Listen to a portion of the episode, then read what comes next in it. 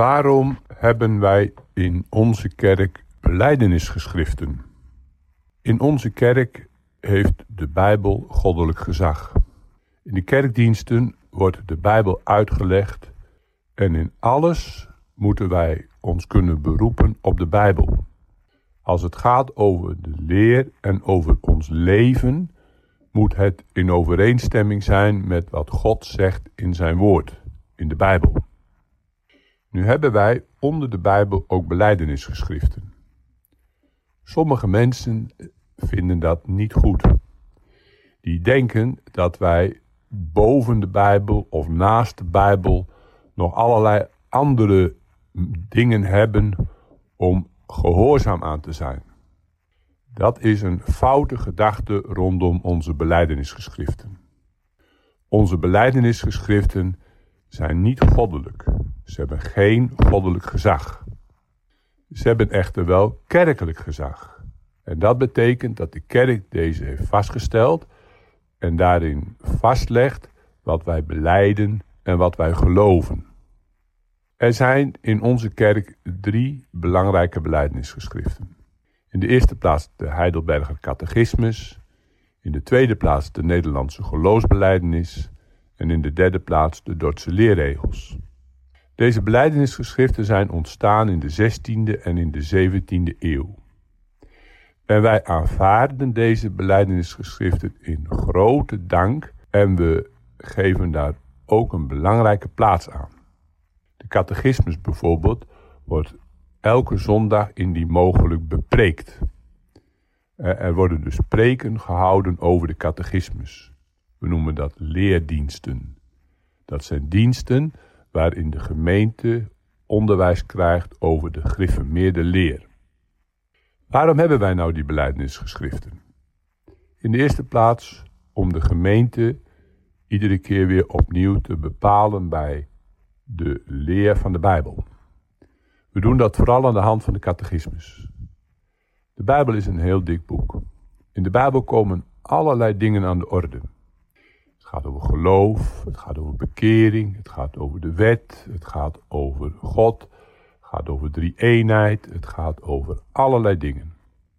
Nu kan het gebeuren dat wij in het lezen van de Bijbel wat eenzijdig worden. Dat we bijvoorbeeld alleen nog maar praten over de bekering en verder over niets anders. Om dat nu te voorkomen hebben we onze catechismus. Daarin komen alle belangrijke dingen in de Bijbel aan de orde. En zo worden we ook verplicht om dat in de prediking aan de orde te stellen en de gemeente alle dingen van Gods woord te leren. De catechismus gaat helemaal terug op de Bijbel. En een catechismus spreken is dus ook eigenlijk uitleg van de Bijbel. In de eerste plaats hebben we dus beleidnisgeschriften om de gemeente onderwijs te geven over de Bijbel. De tweede plaats hebben we ook beleidnisgeschriften om uit te spreken wat we nou precies geloven. We doen dat natuurlijk in de twaalf artikelen. We doen dat ook in de Nederlandse geloofsbeleidnis. Er is een wereld om ons heen die ons voortdurend vraagt: wat geloven jullie nou eigenlijk? In onze beleidnisgeschriften hebben we een soort samenvatting van wat we geloven. De Nederlandse geloofsbeleidnis is dus een weergave van wat wij op grond van de Bijbel geloven. De twaalf artikelen is ook een weergave van wat wij op grond van de Bijbel geloven. De beleidnis van Nicea en van Athanasius.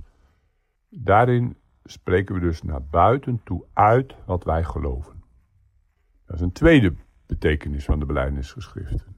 De eerste is dus onderwijs. De tweede is een getuigenis. En in de derde plaats hebben we ook beleidingsgeschriften om in de kerk dwalingen te weerleggen. In de kerkgeschiedenis zien we dat er voortdurend dwalingen zijn geweest. Al heel vroeg in de kerkgeschiedenis was er Pelagius. En die zei dat je door goede werken en door het gebruik van je vrije wil wel zalig kon worden. De kerk heeft gezegd: nee, dat kan niet. Zalig worden is een genadegave van God. En niet doordat de mensen hun best doen of iets dergelijks. Niet af van onze vrije wil. En in de 16e en 17e eeuw was er het probleem met de remonstranten. De remonstranten waren ook weer verdedigers van de vrije wil van een mens en de kerk heeft dat weerlegd. De dwalingen in de kerk, dus in onze Dordtse leerregels, worden vooral ingegaan op bepaalde dwalingen die er kunnen zijn in de kerk en die worden weerlegd. En dat is een derde functie van onze beleidenis. Dat we de dwalingen proberen te weerleggen en dat we de gemeente proberen te houden bij de Bijbelse leer. Dus samenvattend, we hebben beleidingsgeschriften, niet in plaats van de Bijbel en niet boven de Bijbel, maar als weergave van de Bijbelse boodschap. De tweede plaats, de beleidingsgeschriften hebben geen goddelijk gezag, maar kerkelijk gezag. Dat betekent, de kerk spreekt dit uit. In de derde plaats hebben wij beleidingsgeschriften om de gemeente te onderwijzen, naar de wereld toe een getuigenis te geven en in de gemeente de dwaling te weerleggen. Ik hoop dat je hier wat aan hebt gehad en misschien vind je het ook fijn om de beleidingsgeschriften eens te lezen. Begin dan gewoon bij de catechismus, daarna de Nederlandse geloofsbelijdenis en tenslotte de Dordtse leerregels. En misschien ga ik binnenkort ook nog wel eens een podcast maken over die beleidingsgeschriften. Maar dit is alvast een voorproefje. Sterkte ermee, een fijne dag nog en graag tot horens.